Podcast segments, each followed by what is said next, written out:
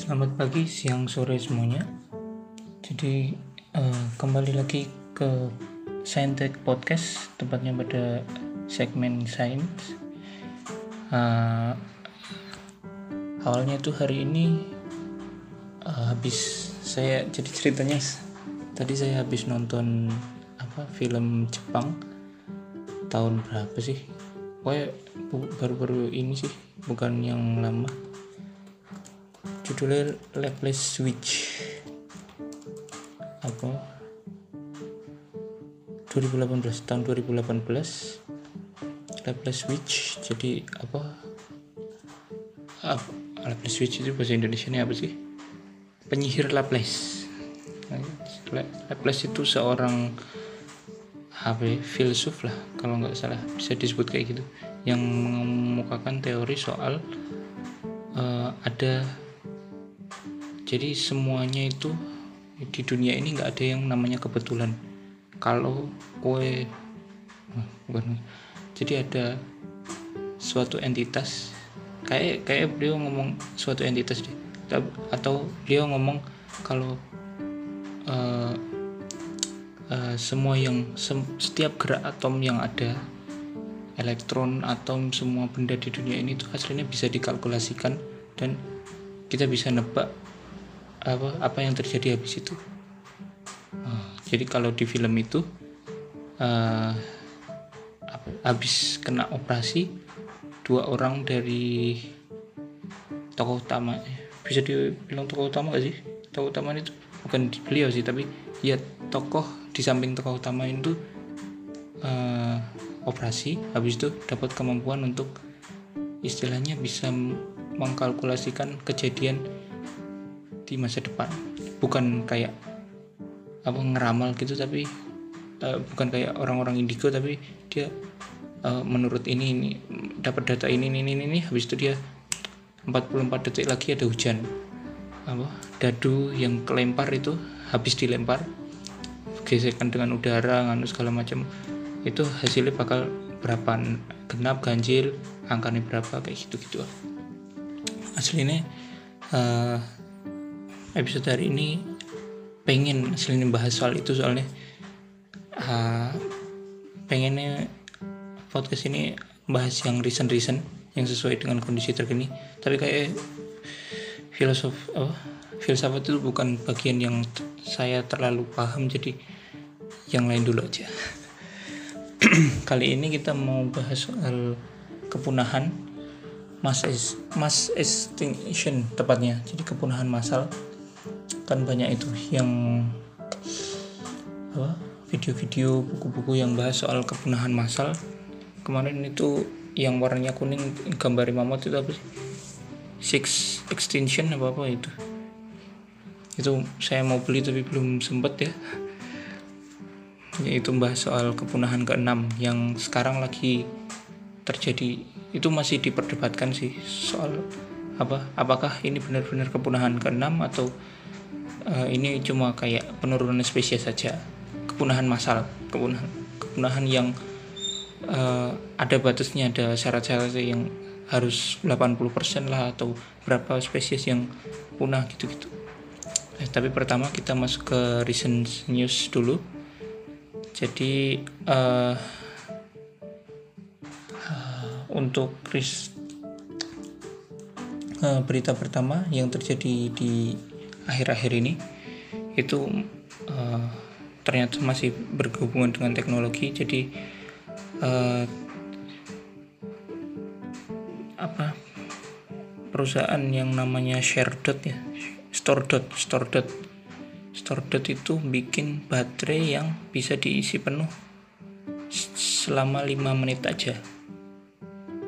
Tapi uh, karena masih dalam tahap uh, research and development jadi nggak banyak yang bisa di share jadi uh, kemungkinannya baterai itu kan baterai itu kalau dicas apa menimbulkan panas yang luar biasa ya. Bisa tau lah gue kalau uh, main HP sambil ngecas itu kan panas juga. Nah, itu kemungkinan apa yang dilakukan si store dot ini apa mengurangi kapasitas. Kan untuk mendapatkan nganu secepat ini pengecasan yang secepat ini Vivo nganu segala macam itu kan kapasitasnya masih besar walaupun wattnya gede itu masih nggak cukup kan. Jadi kemungkinan mereka apa ngorbanin kapasitas. Terus gimana caranya biar si baterai yang kemungkinan bakal dipakai buat ini mobil listrik itu bisa tetap dingin. Jadi mereka dalam satu pack baterai yang harusnya misal di mobil lain bisa sampai ngisi buat uh, eh, 300 kilo. Ini kemungkinan cuma bisa setengahnya 150 kilowatt soalnya di antara uh, apa pack baterainya itu bakal ada kayak rongga buat uh, angin atau pendinginnya itu buat masuk ke dalam gitu untuk mendinginkan baterainya.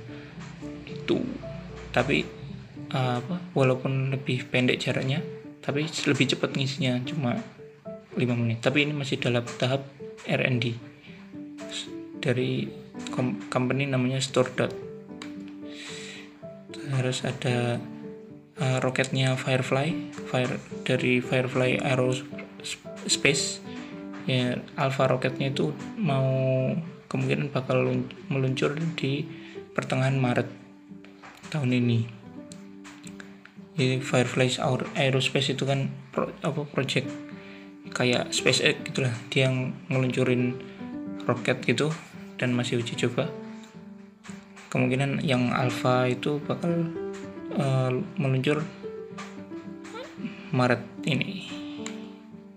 Terus kemarin si uh, SpaceX habis apa namanya ngelakuin uji coba lagi SN9 itu.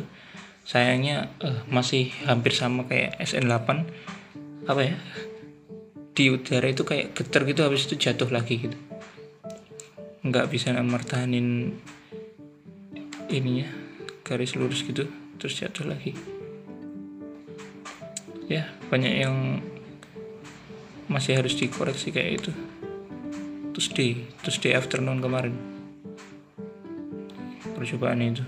Lumayan eh nggak nggak lumayan sih. Lebih rame yang dulu yang SN8 tapi masih termasuk rame ini di Twitter. Di setidaknya di timeline Twitter saya. Terus uh, ini uh, beritanya dikutip dari Wired. Jadi uh, yang kasus besar yang sampai di angkat jadi video game apa sih namanya? Video game karena karena yang dia pass itu loh. Kejadian Love Fest yang terjadi di Februari 19 uh, eh, gamenya apa namanya? Ke kolat kolat. Love Fest kejadian apa orang-orang yang meninggal itu di Rusia di uh, akhir Februari 1959 itu akhirnya uh, istilahnya ditemukan penyebabnya lah setelah 60 tahun. Jadi uh, penyebab utamanya kemungkinan itu uh, ada semacam apa ya avalanche itu apa sih? Uh, kayak salju yang dari atas itu apa sih? Guguran salju gitu loh kayak longsor tapi salju. Tapi dan kan banyak orang yang apa gak nemu pas ditemukan itu nggak terlalu ditemukan jejak yang ah, jejak ah, guguran itu yang signifikan gitu sampai bisa ngerendam mereka sampai bisa bikin mereka lari ke mana-mana. Dan apa banyak yang ngomong kalau uh, untuk bisa jadi guguran itu butuh 30 derajat slope-nya apa kemiringan yang si bukit yang dekat sana itu. Dan itu si yang di sana itu 23 derajat. Jadi kan nggak se apa nggak semiring itu kok bisa turun? Ternyata apa pas di simulasi hasilnya bisa. 23 derajat itu masih bisa. Asalkan ada kayak tekanan di di lembahnya itu jeglek. Lembahnya ketekan habis itu saljunya yang di dekatnya lembahnya itu turun yang atasnya ikut turun atasnya turun lagi kayak domino efek gitu dari atas. Grrr. terus habis itu uh, setelah kemungkinan besar mereka itu habis apa mereka aslinya bisa mengantisipasi uh, guguran salju itu jadinya si tendanya itu di itu kan diberesi tapi nggak sempet.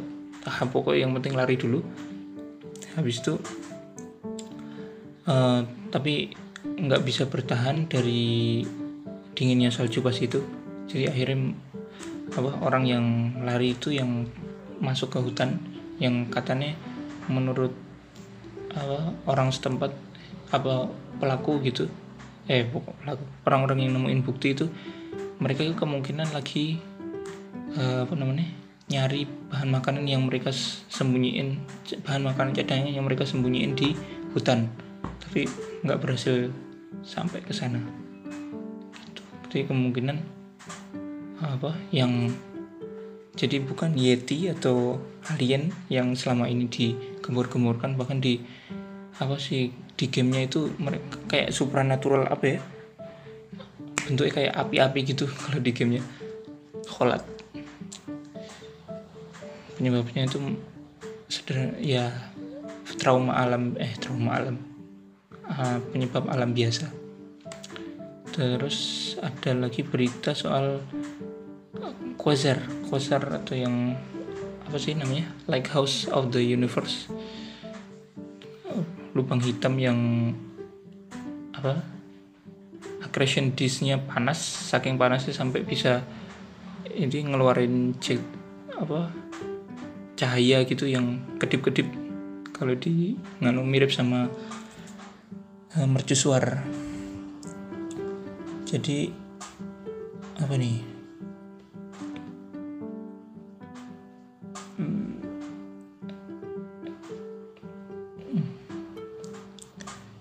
oh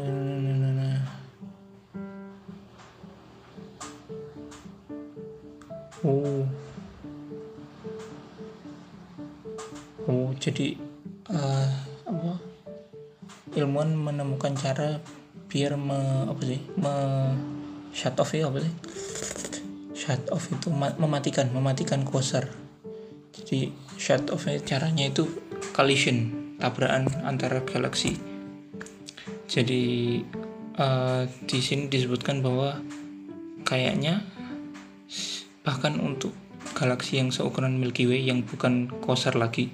Kan quasar itu uh, banyak or apa teorinya menyebutkan bahwa quasar itu kayak uh, awal dari sebuah galaksi. Jadi galaksi itu kan dari bintang-bintang yang ngumpul gitu di dekat yang orbit di apa namanya lubang hitam.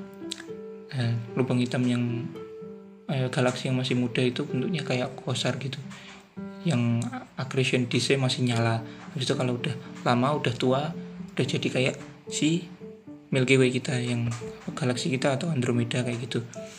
Itu caranya biar bisa matiin mereka itu tabrakan dengan small galaxy jadi si si apa namanya? Hmm, black hole-nya itu nabrak small galaxy jadi uh, bahkan Milky Way saja bisa uh, mati. Nggak cuma Quasar Milky Way aja bisa mati kalau tabrakan sampai kayak gitu. Nggak kayak uh, apa namanya? Uh, kayak makan memakan yang kayak Andromeda sama Milky Way tapi ini tabrakan langsung. Central black hole ngomongnya collisionnya between small galaxy and central core-nya langsung. Nggak disebutin mereka kayak kayak yang selama ini dilihat apa yang kanibal antara galaksi yang saling memakan itu. Terus ada apa lagi? Oh ya sih ada berita soal mikroba usus bisa mendorong gangguan otak. Jadi uh, ada penelitian dari Jane Frost Jane Foster yang ada di eh, Thor.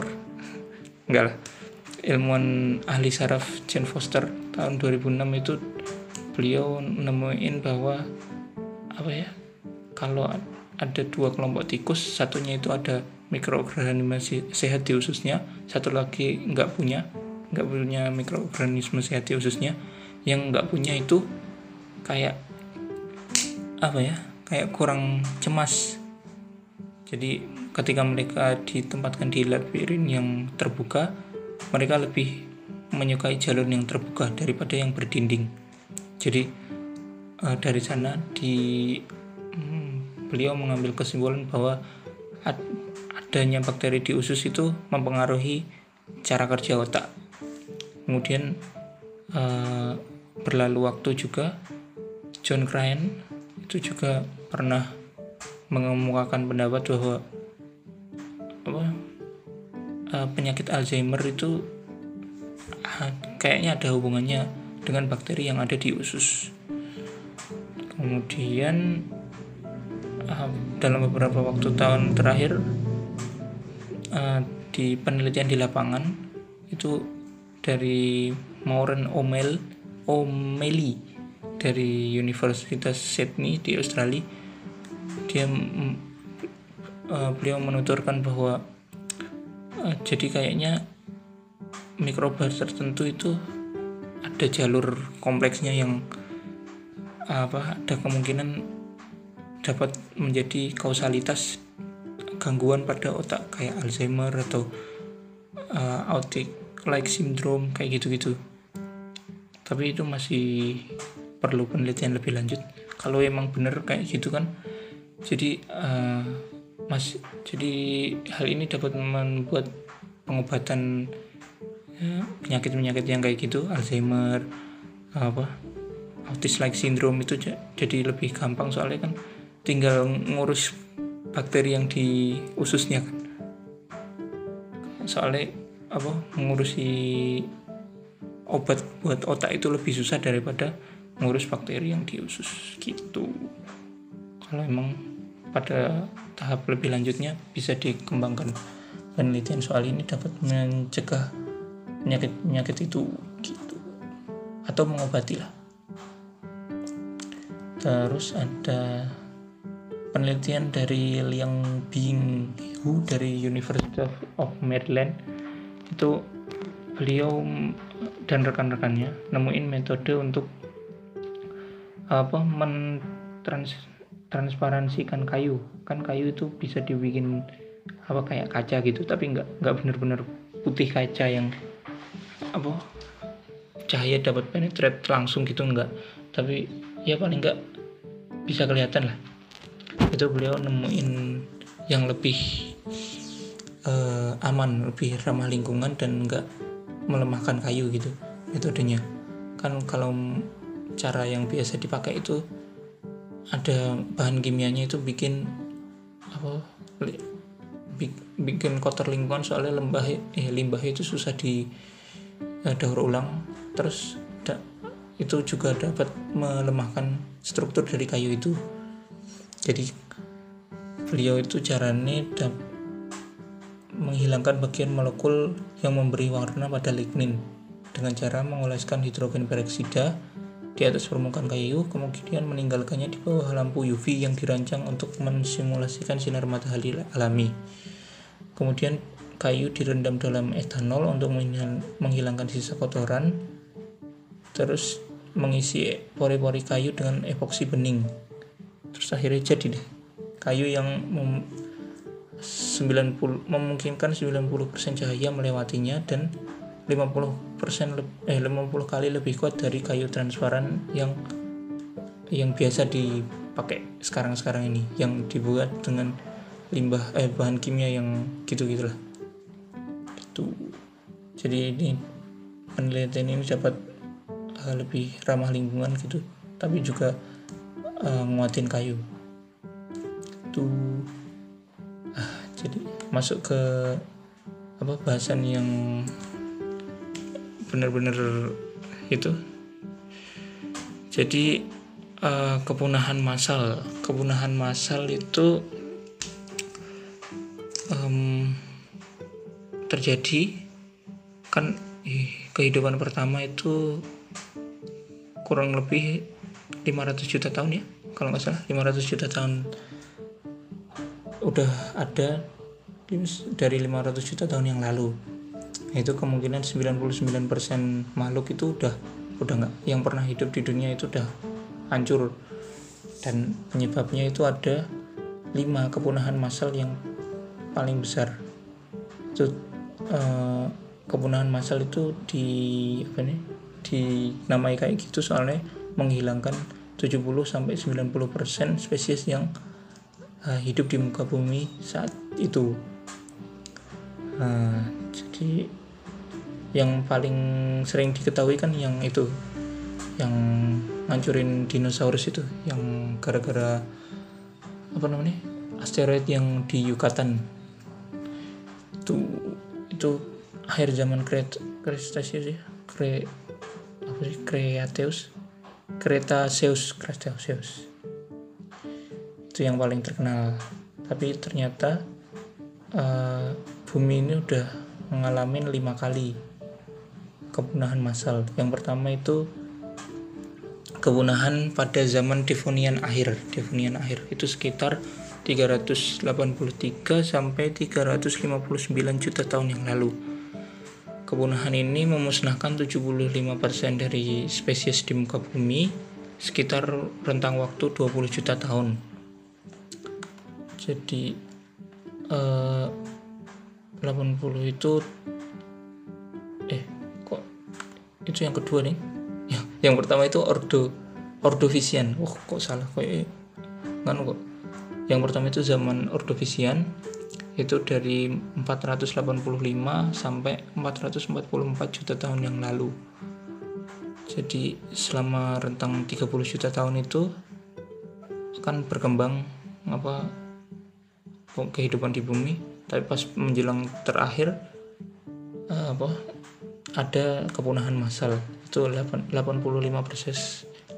persen spesies itu menghilang. Uh, kebanyakan itu uh, marin jadi biota laut yang kayak gravolid, brachiopod, konodon gitu-gitu. Jadi ini kemungkinan besar karena ada glasiasi besar-besaran yang menyebabkan sejumlah air menutupi sebagian besar daratan di kutub selatan. Ini kemungkinan besar uh, glasiasi ini terjadi karena munculnya pegunungan Appalachian di Amerika Utara. Jadi uh, apa? Gara-gara gara-gara itu akhirnya uh, si apa namanya? I apa sih di lautnya. Lautnya itu jadi beku. Dan permukaan laut lautnya itu anjlok hingga ratusan kaki. Jadi apa mama marin vertebrate itu harus terpaksa hidup di uh, lautan yang cetek.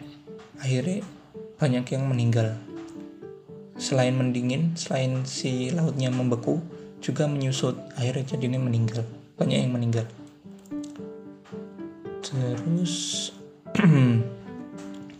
kepunahan yang kedua tadi si Devonian akhir itu 330 eh 383 sampai 359 juta tahun yang lalu.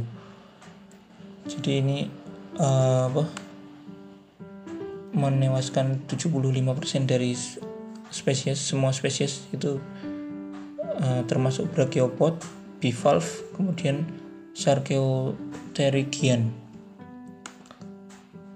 Ini terjadi karena hmm, dari oh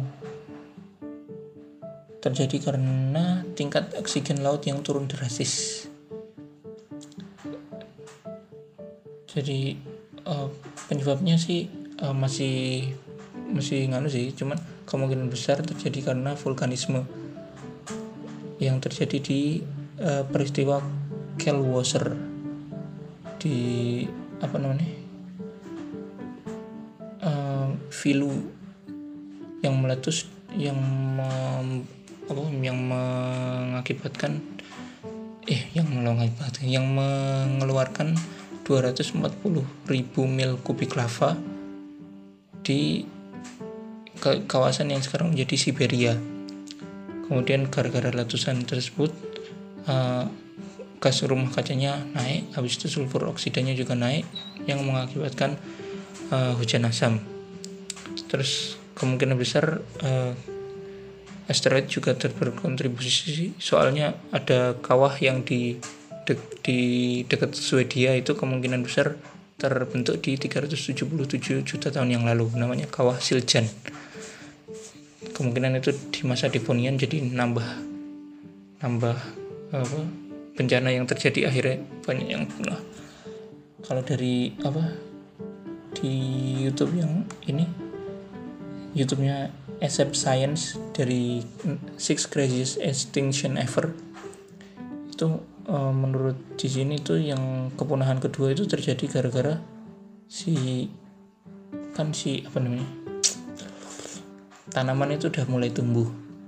Nah gara-gara tanaman tumbuh CO2 nya apa CO2 nya kan disedot sama tanaman semua. Akhirnya si apa uh, dengan akhirnya gimana ya? Pokoknya si soilnya berubah soilnya berubah.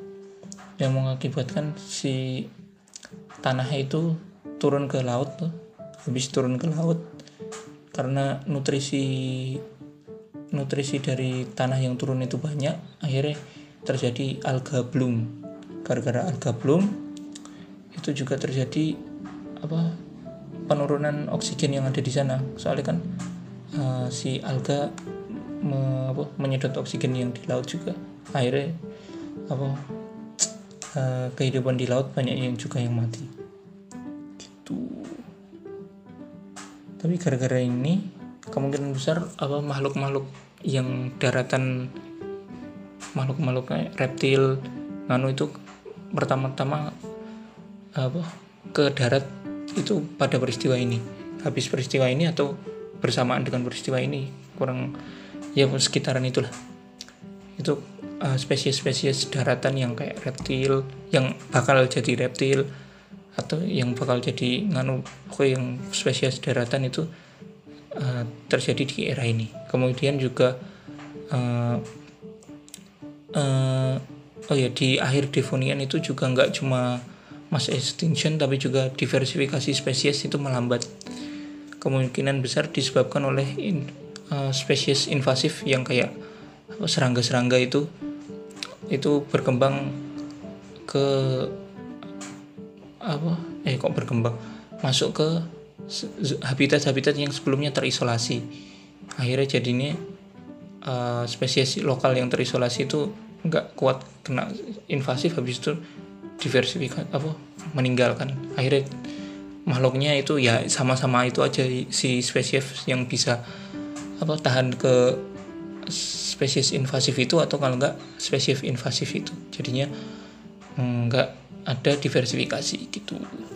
Kemudian kepunahan ketiga yang merupakan kepunahan terbesar yang pernah dialami makhluk di bumi ini namanya eh, Great Dying. Itu terjadi 252 juta tahun yang lalu. Itu terjadi di akhir Permian atau Permian Triasik lah. Permian Triasik gitu-gitu itu menewaskan 95% dari spesies termasuk Dimetrodon, Estemenosusus, Trilobites, Mokops, Orto, Ortakentus. Uh, jadi uh, se, sem, apa 96% spesies laut itu musnah dan sekitar 3 dari 4 spesies darat itu musnah hutan hutan di dunia ini juga musnah hingga sampai sekitar 10 juta tahun kemudian. Baru ada lagi. Uh, di, uh, dari lima kepunahan masal ini permisian trasik juga satu-satunya yang memusnahkan sebulan sejumlah besar spesies serangga yang yang memiliki daya tahan yang luar biasa daripada spesies-spesies lain itu ini terjadi gara-gara si apa ada aktivitas vulkanik di Siberian Traps perangkap Siberia eh, yang meluncurkan kurang lebih 720 ribu mil kubik lava itu mengakibatkan uh, pelepasan 14,5 triliun ton karbon. Jadi 2,5 kali lipat dari yang dilepaskan bahkan jika apa bahan bakar fosil yang kita sekarang tumpuk di tanah batu bara segala macam itu di dikeluarin itu masih lebih banyak 2,5 kali. Jadi spesies apa suhu permukaan laut di Katulistiwa itu sampai 40 derajat Celcius. Bayangin laut sepanas itu banyak. Jadi di Katulistiwa itu kemungkinan nggak ada apa nggak ada kehidupan lagi. Soalnya udah panas banget itu 40 derajat Celcius kemudian suhu air laut dan tanah di tempat lain itu juga berkisar antara 25 sampai 34 derajat Fahrenheit.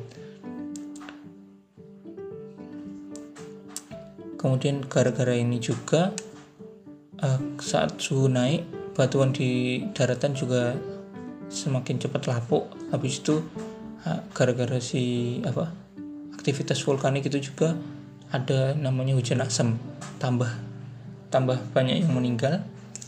Habis itu ada uh,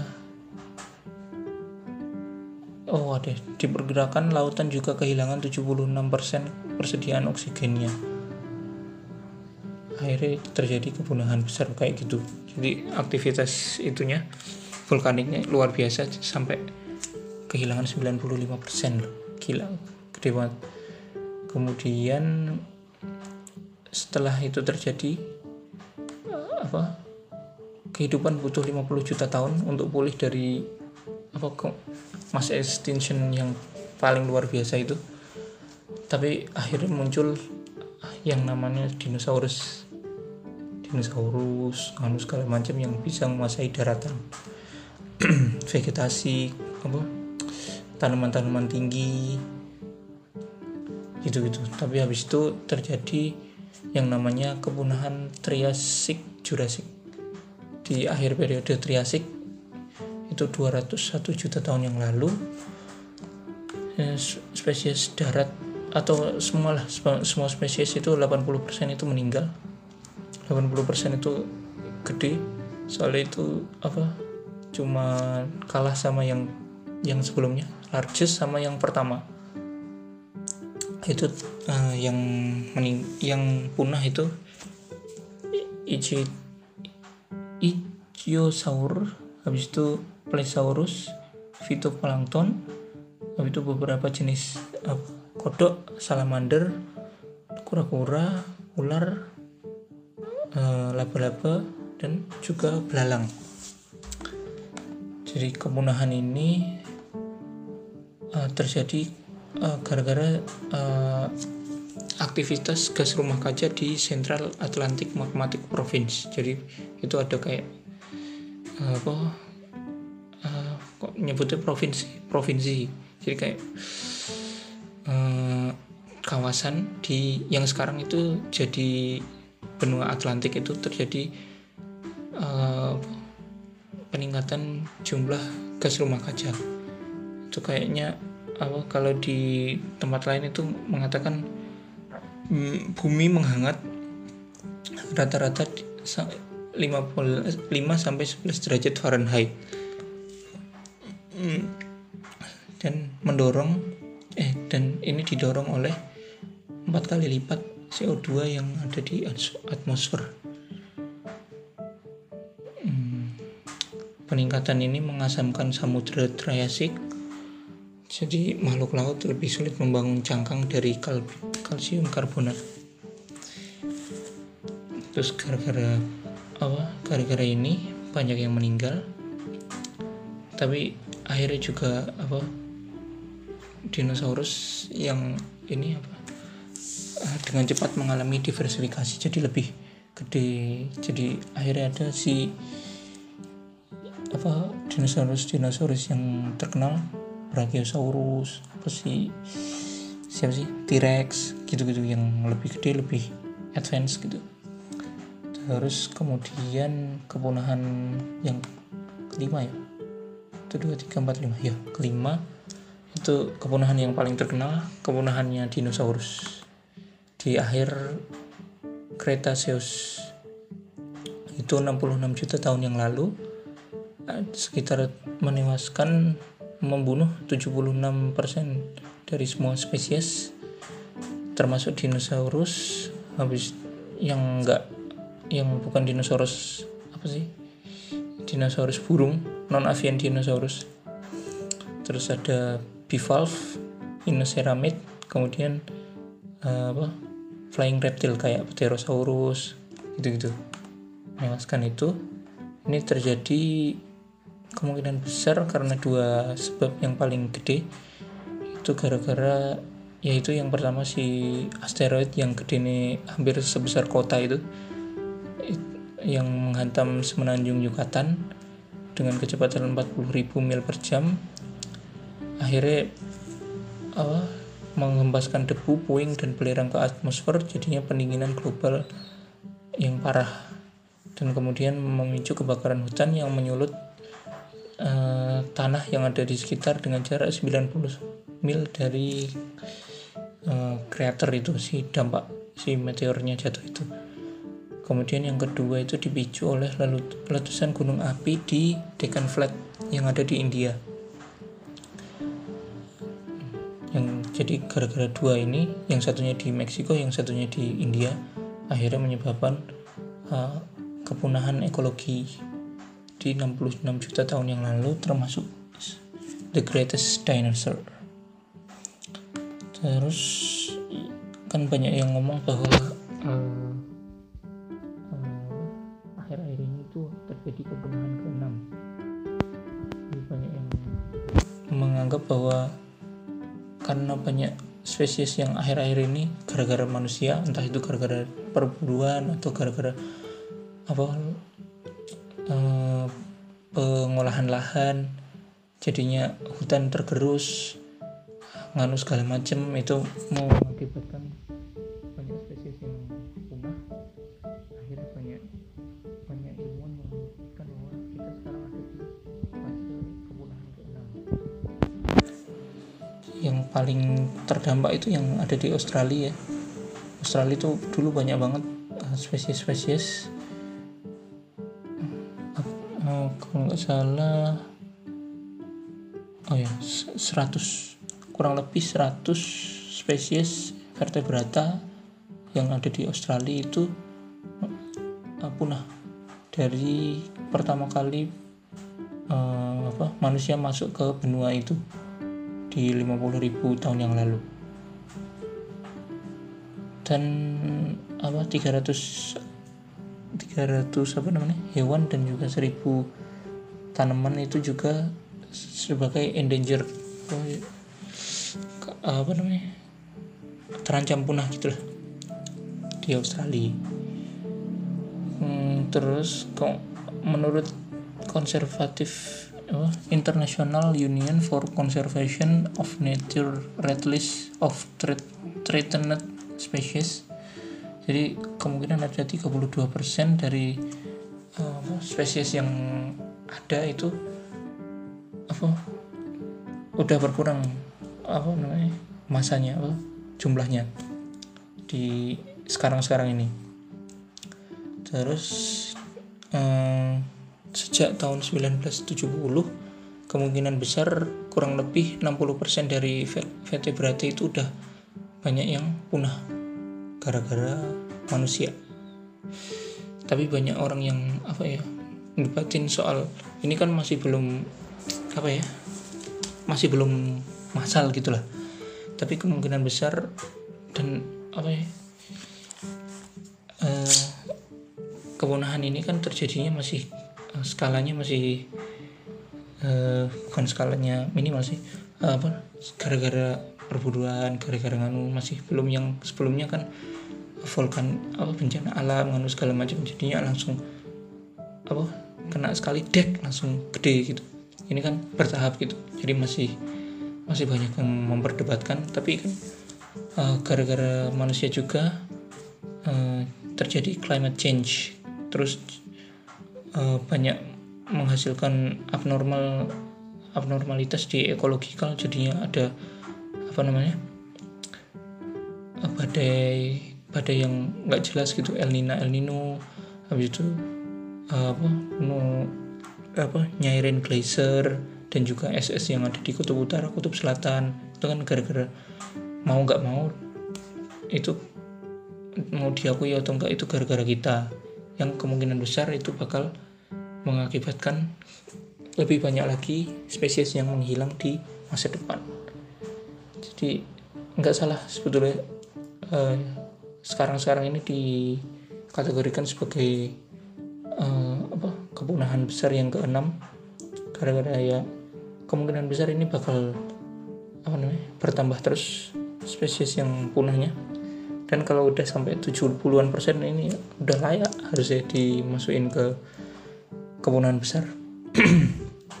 Dan perlu diingat bahwa dari lima kepunahan yang udah terjadi yang paling apa terdampak dari kepunahan itu sebetulnya bukan walaupun yang punah terlebih dahulu itu yang kecil-kecil apa invertebratanya invertebratanya lah atau yang apa marin mamalnya. Tapi yang paling kena hit yang paling gede itu kemungkinan besar yang ada di puncak rantai makanan.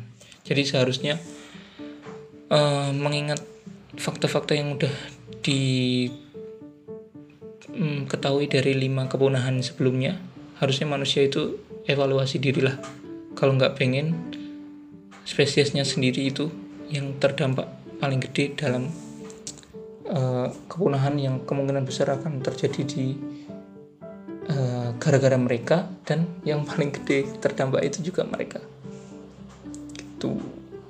Jadi mari kita apa evaluasi bersama penggunaan eh, apa yang bisa kita lakukan untuk mengurangi dampak dari climate change ini lah kalaupun nggak bisa di apa namanya nggak bisa diandu soalnya udah udah banyak yang ada di CO2 nya udah banyak yang lepas dan apa masih banyak negara berkembang yang masih butuh bukan butuh sih apa masih belum bisa gradually apa masuk ke energi terbarukan gitu paling nggak kita harus mengurangi lah apa penggunaan fossil fuel habis itu me, apa